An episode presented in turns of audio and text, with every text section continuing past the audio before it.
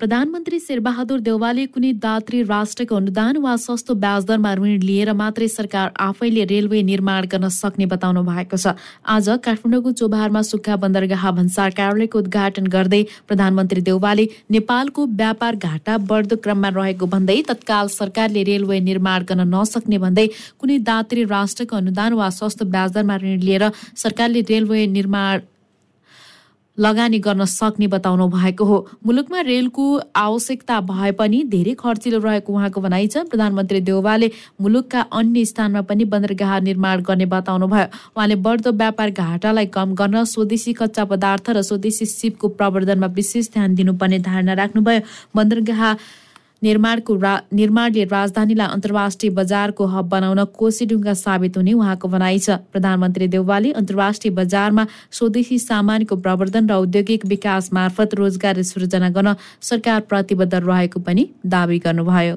यो सुखा बन्दरगाहको निर्माणले राजधानीलाई अन्तर्राष्ट्रिय व्यापारको हबको रूपमा विकास गर्न कोसी ढुङ्गा पूर्ण गर्ने अपेक्षा मैले लिएको छु। नेपाल सरकारले मुलुकका विभिन्न ठाउँमा सुखा बन्दरगाह निर्माण ठुला आधुनिक गुदामहरूको स्थापना छिमेकी मुलुकहरूको सिमाना नाकाहरूसँग जोडिएका राजमार्ग तथा भन्सार कोरिडोरको तोडनौती गर्ने कार्यलाई प्राथमिकता साथ अगाडि बढिरहेको छ।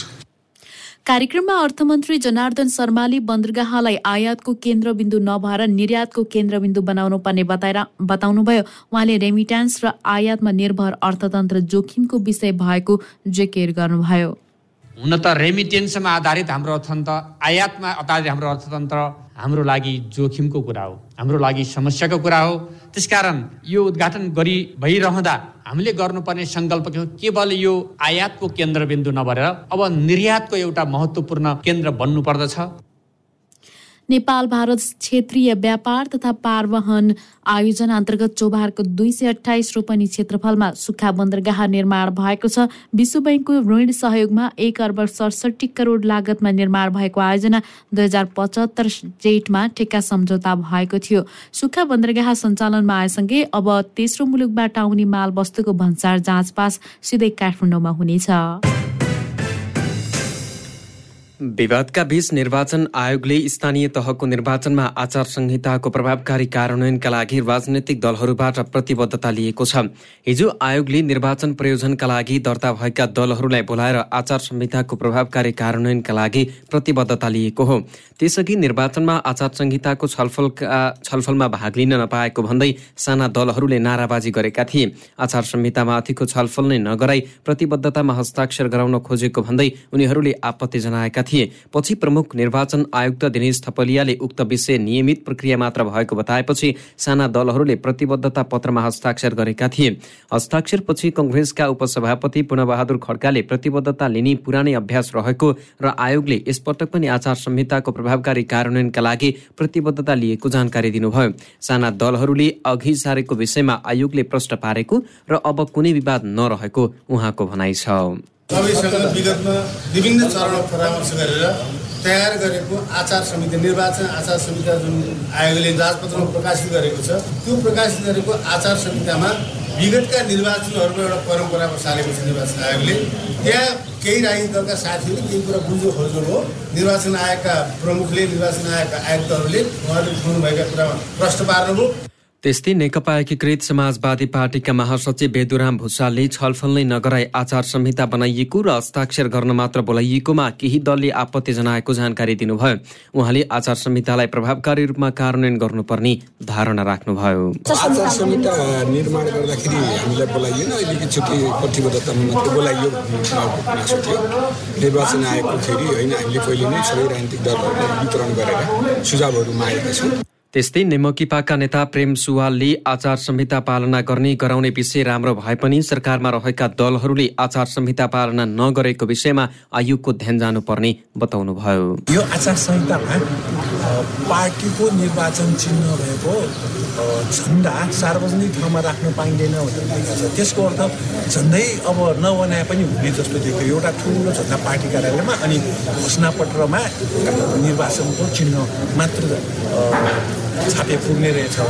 आयोगका प्रवक्ता शालिग्राम शर्मा पौडेलले आचार संहिताको प्रभावकारी कार्यान्वयन मा राजनैतिक दलहरूको प्रतिबद्धता लिएको बताउनुभयो।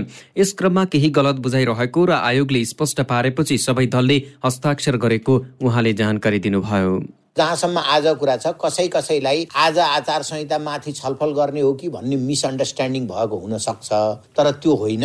त्यो कुरा मान्य प्रमुख निर्वाचन आयुक्त र अन्य आयुक्तज्यूहरूले त्यो कन्भिन्स गरेपछि उहाँहरू सबैले आचार संहितामा प्रतिबद्धता व्यक्त गरेर हस्ताक्षर गरेर जानुभएको छ। आयोगले निर्वाचन आचार संहितामा निर्माणका क्रममा प्रमुख दलसँग छलफल गरेको थियो। स्थानीय तहको निर्वाचन आगामी वैशाख तीस गतेलाई तोकिएको छ।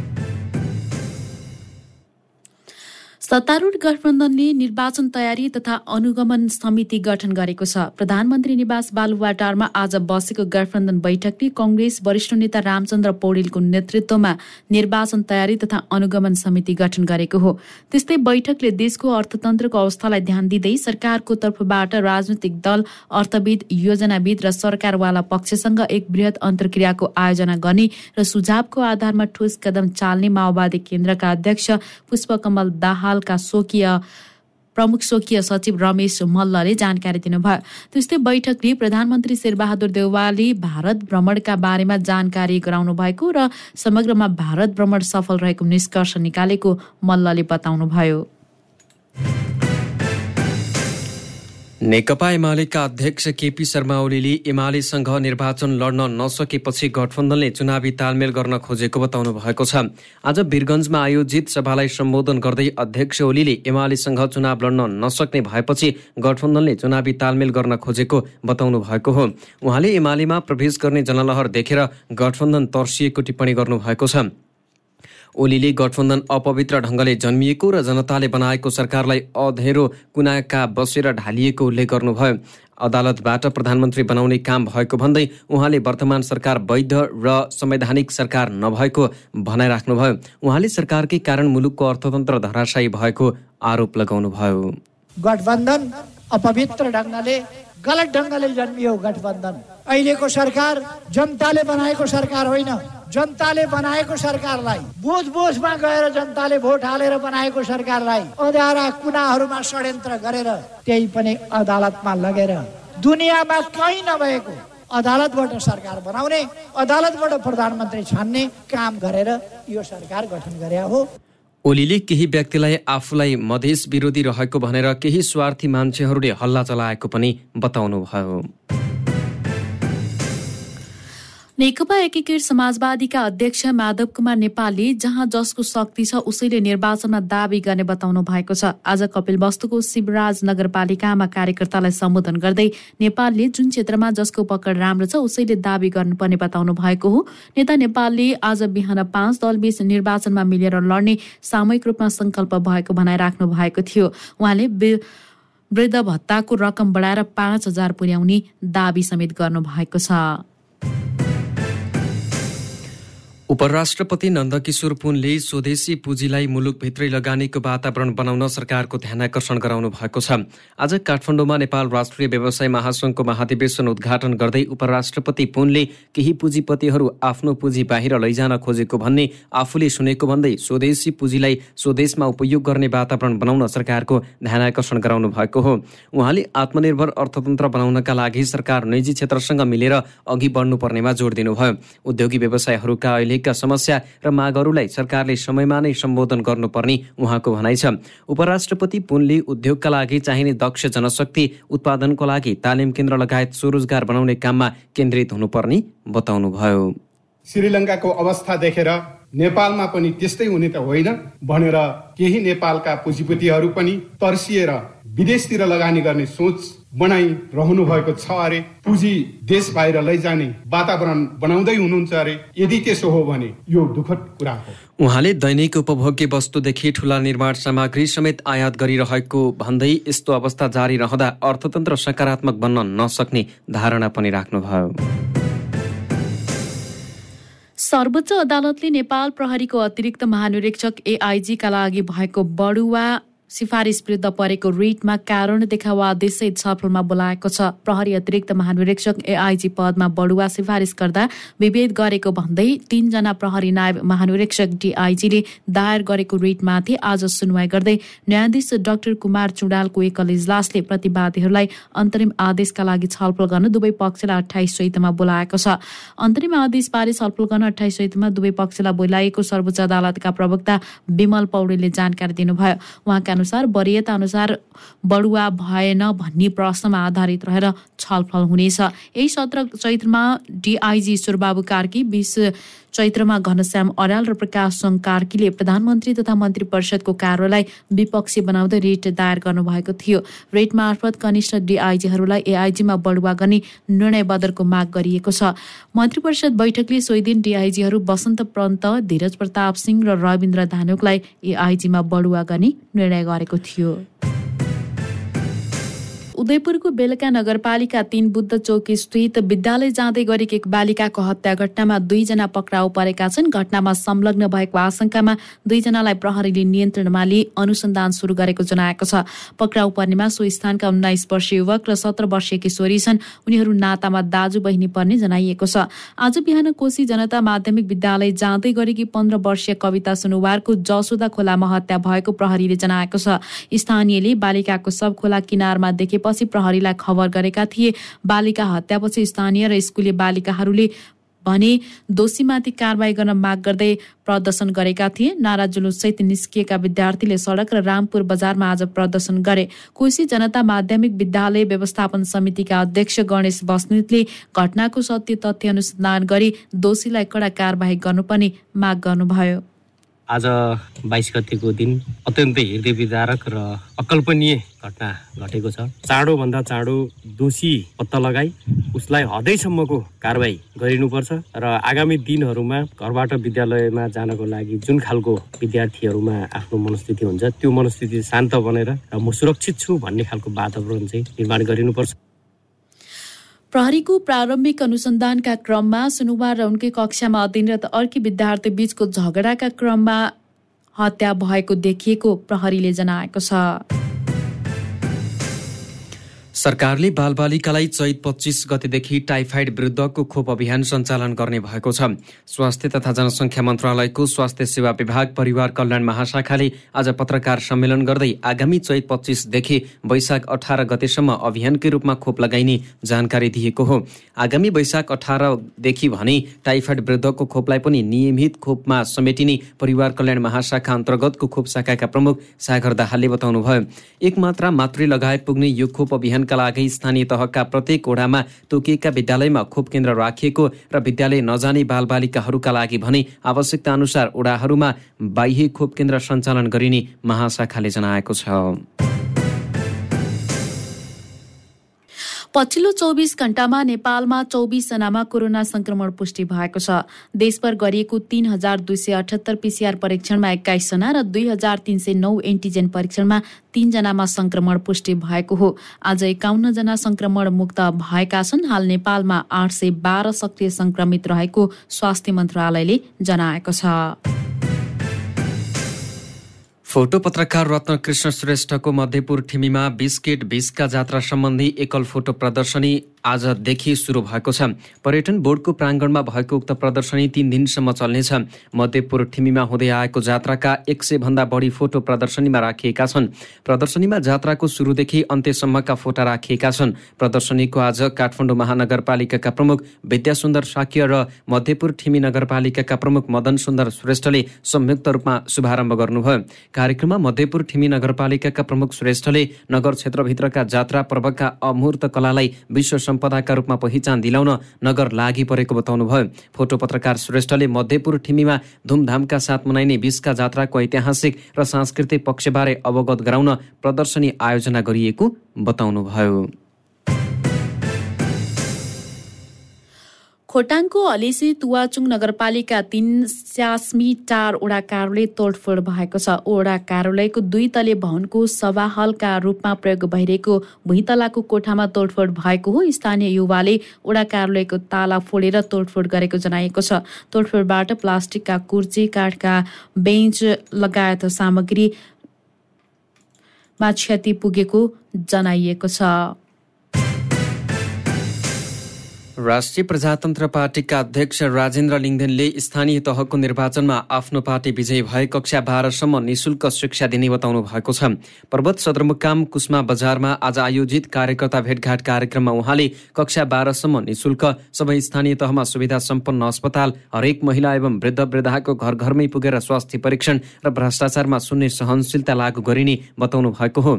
अध्यक्ष लिङ्गदेनले राष्ट्रिय प्रजातन्त्र पार्टी मुलुकको वैकल्पिक राजनीतिक शक्ति भएको उल्लेख गर्दै समृद्ध मुलुक निर्माणका लागि आगामी स्थानीय तहको निर्वाचनमा आफ्नो दललाई विजयी गराउन सबैसँग आग्रह गर्नुभयो। उहाँले आगामी स्थानीय तहको निर्वाचनमा उपयुक्त वातावरण बनी गठबन्धन बनाएर जान सकिने बताउनुभयो। सप्तरीको राजविराजको नोबेल अस्पताल विराटनगरमा कार्यरत सप्तरीका डाक्टर विजय यादवको हत्या घटनामा दोषीपुर कारवाहीको माग गर्दै आफन्त र स्थानीय बासिन्दाले आज प्रदर्शन गरेका छन्। उनीहरूले सप्तरीका प्रमुख जिल्ला अधिकारी जनार्दन जनार्दन गौतम मार्फत प्रधानमन्त्री र गृहमन्त्रीलाई ज्ञापन पत्र बुझाउँदै तीन दिनभित्र दोषीलाई कारवाही गरी कारवाही प्रक्रिया अघि बढाउन माग गरेका छन्। सप्तरीको विष्णुपुर गाउँपालिका एक खुरहुरिया घर भएका डाक्टर यादवको गत शनिबार शङ्कास्पद अवस्थामा विराटनगर स्थित डेरामा मृत फेला परेका थिए। परिवार र आफन्तले योजनाबद्ध तरिकाले उनको हत्या भएको आरोप लगाएका छन्। नेपाल दूरसञ्चार प्राधिकरणले दूरसञ्चार प्रदायक नेपाल टेलिकम र एनसेललाई केवाइसी रुजु नगरी सिम कार्ड वितरण नगर्न निर्देशन दिएको छ।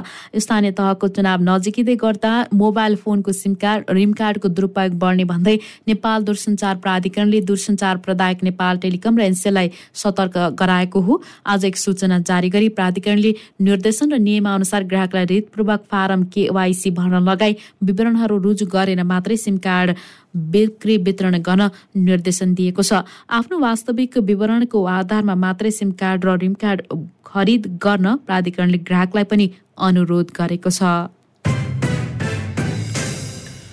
अस्ट्रेलिया सरकारले नेपाललाई यो वर्ष तीन करोड एघार लाख अस्ट्रेलियन डलर अर्थात् करिब दुई अर्ब अस्सी करोड रुपियाँ सहयोग गर्ने भएको छ। अस्ट्रेलियाले दिने यो सहयोग गत वर्षको तुलनामा पन्ध्र लाख डलर बढी हो। केही दिन अघि अस्ट्रेलियाका ट्रेजरर जोस फ्रान्ड फ्राड फ्रायड नर्गवर्गद्वारा प्रस्तुत बजेटमा नेपालका लागि सो रकम छुट्याइएको सार्वजनिक गरिएको हो। अस्ट्रेलियाले हरेक वर्ष बजेट मार्फत विकासोन्मुख राष्ट्रहरूलाई सहयोग दिँदै आएको छ। यस वर्ष सार्वजनिक गरिएको बजेट अनुसार नेपालले द्विपक्षीय विनियोजन अन्तर्गत नौ दशमलव एक मिलियन डलर पाउनेछ भने प्रत्यक्ष सहायता कार्यक्रम ओडिए अन्तर्गत बाइस मिलियन डलर पाउनेछ। बुढी गण्डकी जलविद्युत आयोजनाले डुबानमा पर्ने संरचना र बोट बिरुवाको मुआब्जा निर्धारण गरेको छ। सोमबारको मुआब्जा निर्धारण समितिले डुबानमा पर्ने घर गोठ फलफुल र बोट बिरुवाको मुआब्जा तोकेको हो। संरचनालाई उत्तम मध्यम र सामान्य मा विभाजन गरी मुआब्जा रकम निर्धारण गरिएको छ। डुबानमा पर्ने चौबिस हजार पाँच सय पचपन्न घरसहित कुखुराको खोर बाख्राको खोर धनसार चौ शौचालय पाली विभिन्न संरचनाको मुआब्जा निर्धारण भएको हो। चालु आर्थिक वर्ष दुई हजार अठहत्तर उनासीको पहिलो आठ महिनाको अवधिमा नेपालले विभिन्न देशबाट तीन करोड रुपियाँभन्दा बढीको कपडा सिलाउने सियो आयात गरेको छ। दुई हजार अठहत्तर साउनदेखि फागुन मसान्तसम्मको अवधिमा सो मूल्यका सियो नेपाल भित्रिएको भन्सार विभागले जनाएको छ। सो मूल्यमा दुई करोड उनान्सय लाख पचपन्न हजार एकचालिस थान र बाह्र हजार चार सय त्रिय त्रिहत्तर केजी सियो नेपालले विभिन्न देशबाट आयात गरेको विभागको भनाइ छ। शेयर बजार परिसूचक नेप्से आज पनि ओह्रालो लागेको छ। आज नेप्से छयालिस दशमलव चार छ अङ्कले घटेर दुई हजार चार सय पाँच दुई बिन्दुमा पुगेको छ। आज कुल अन्ठाउन्न लाख एकचालिस हजार नौ सय अन्ठानब्बे किता सेयर कुल दुई अर्ब सडसठी करोड बाह्र लाख बत्तीस हजार तिन सय अठासी रुपियाँमा कारोबार भएको छ। क्यान्डेट न्युजमा अब अन्तर्राष्ट्रिय समाचार। युक्रेनका राष्ट्रपति भ्लोदिमिर जेलेन्स्कीले आज संयुक्त राष्ट्र सुरक्षा परिषदको आपतकालीन बैठकलाई सम्बोधन गर्नुहुने भएको छ। रुसले युक्रेनमाथि गरिरहेको आक्रमणको जानकारी गराउन राष्ट्रपति जेलेन्स्कीलाई नेपाली समयअनुसार बेलुकी पाउने आठ बजे सम्बोधन गर्न लाग्नु भएको हो। सम्बोधनका क्रममा राष्ट्रपति जेलेन्स्कीले पश्चिम देशहरूसँग थप सहयोगको आह्वान गर्नुहुने बिबिसीले उल्लेख गरेको छ। गत आइतबार राजधानी कि बाहिरको बुचा सहरमा रुसी सेनाको आक्रमणमा परेर बिसजनाको मृत्यु भएपछि राष्ट्रपति जेलेन्स्कीले सुरक्षा परिषदको बैठकमा सम्बोधन गर्न लाग्नु भएको हो। इन्धनको मूल्यलाई लिएर प्रदर्शन चर्किएपछि पेरुको राजधानी लिमामा कर्फ्यूको घोषणा गरिएको छ। इन्धन र मलको मूल्यमा अचाकले वृद्धि भएको भन्दै प्रदर्शनकारीले टायर बालेर प्रदर्शन गरेका थिए। प्रदर्शनलाई थप हिंसात्मक हुन नदिन कर्फ्यूको घोषणा गरिएको राष्ट्रपति पेड्रो कास्टिलोले बताउनु भएको छ। विगत दुई हप्तादेखि जारी आन्दोलनमा चारजना सर्वसाधारणको मृत्यु भइसकेको त्यहाँको सरकारलाई उद्धित गर्दै अल जजिराले जनाएको छ। राजधानी लिमाबाट सुरु भएको प्रदर्शन देशव्यापी रूपमा जारी रहेको एक प्रदर्शनकारीले बताएका छन्। गत वर्षको जुलाईमा राष्ट्रपतिको कार्यभार सम्हाल्नुभएका राष्ट्रपति कास्टिलोले देशमा गरिबी हटाउने प्रतिबद्धता गरे पनि सो विपरीत भएको भन्दै प्रदर्शनकारीले आलोचना गरिरहेका छन्। क्यान्डेड न्युजमा अब खेलकुदका समाचार। नेपालको Machhindra football club AFC cup छनौट दुई हजार बाइस अन्तर्गत प्ले अफको पहिलो खेलमै पराजित भएको छ। त्रिपुरेश्वर स्थित दशरथ रङ्गशालामा आज साँझ भएको खेलमा मछिन्द्र श्रीलङ्काको ब्लू स्टारसँग दुई एक गोल अन्तरले पराजित भएको हो। हारसँगै मछिन्द्र पहिलो खेलबाट बाहिरिएको छ। ब्लू स्टारका मोहम्मद इसान र सेनल सन्देशले एक एक गोल गरे। मछिन्द्रका लागि कप्तान सुजल श्रेष्ठले एक गोल फर्काए। अब ब्लू स्टारले दोस्रो चरणमा भारतको मोहन बगानसँग खेल्नेछ सो खेल अप्रिल बाह्रमा हुनेछ। चर्च बोइज युनाइटेड शहीद स्मारक ए डिभिजन लिग फुटबलमा बढुवा भएको छ। शहीद स्मारक बी डिभिजन लिग अन्तर्गत आज बाँसपारी क्लबलाई पाँच एक गोल अन्तरले पराजित गर्दै चर्च बोइज शीर्ष डिभिजनमा उक्लिएको हो। इन्फा कन्फ्लेक्स सातो बाटोमा चर्च बोइजलाई जित दिलाउन साइमन लिम्बुले ह्याट्रिक सहित चार गोल गरे। यस जितसँगै शीर्ष स्थानको चर्च बोइजले बाह्र खेलमा छब्बिस अङ्क जोडेको छ। चर्च बोइज एक खेल अगावै च्याम्पियन बनेको हो। बाँसपारीले बाह्र खेलमा सोह्र अङ्क जोडेको छ। Church boys B division league खेलेको पहिलो सिजनमै शीर्ष डिभिजनमा बढुवा भएको हो। त्यस्तै आजै भएको बी डिभिजन लिग अन्तर्गतको अर्को खेलमा श्रीकुमारी क्लबले जित निकालेको छ। इन्फा कम्प्लेक्समै भएको खेलमा श्रीकुमारीले श्री भगवतीलाई तीन एक गोल अन्तरले पराजित गरेको हो। र सर्वोच्च अदालतले बर्खास्तीमा परेका राष्ट्रिय खेलकुद परिषद राखेपका सदस्य सचिव रमेश सिलवालको रिट खारेज गरेको छ राखेपको सदस्य सचिवको नयाँ नियुक्त र बर्खास्ती सम्बन्धी परेको रिटको सुनाई गर्दै न्यायाधीश अनिल कुमार सिन्हा र कुमार रेग्मीको इजलासले रिट खारेज गरेको हो।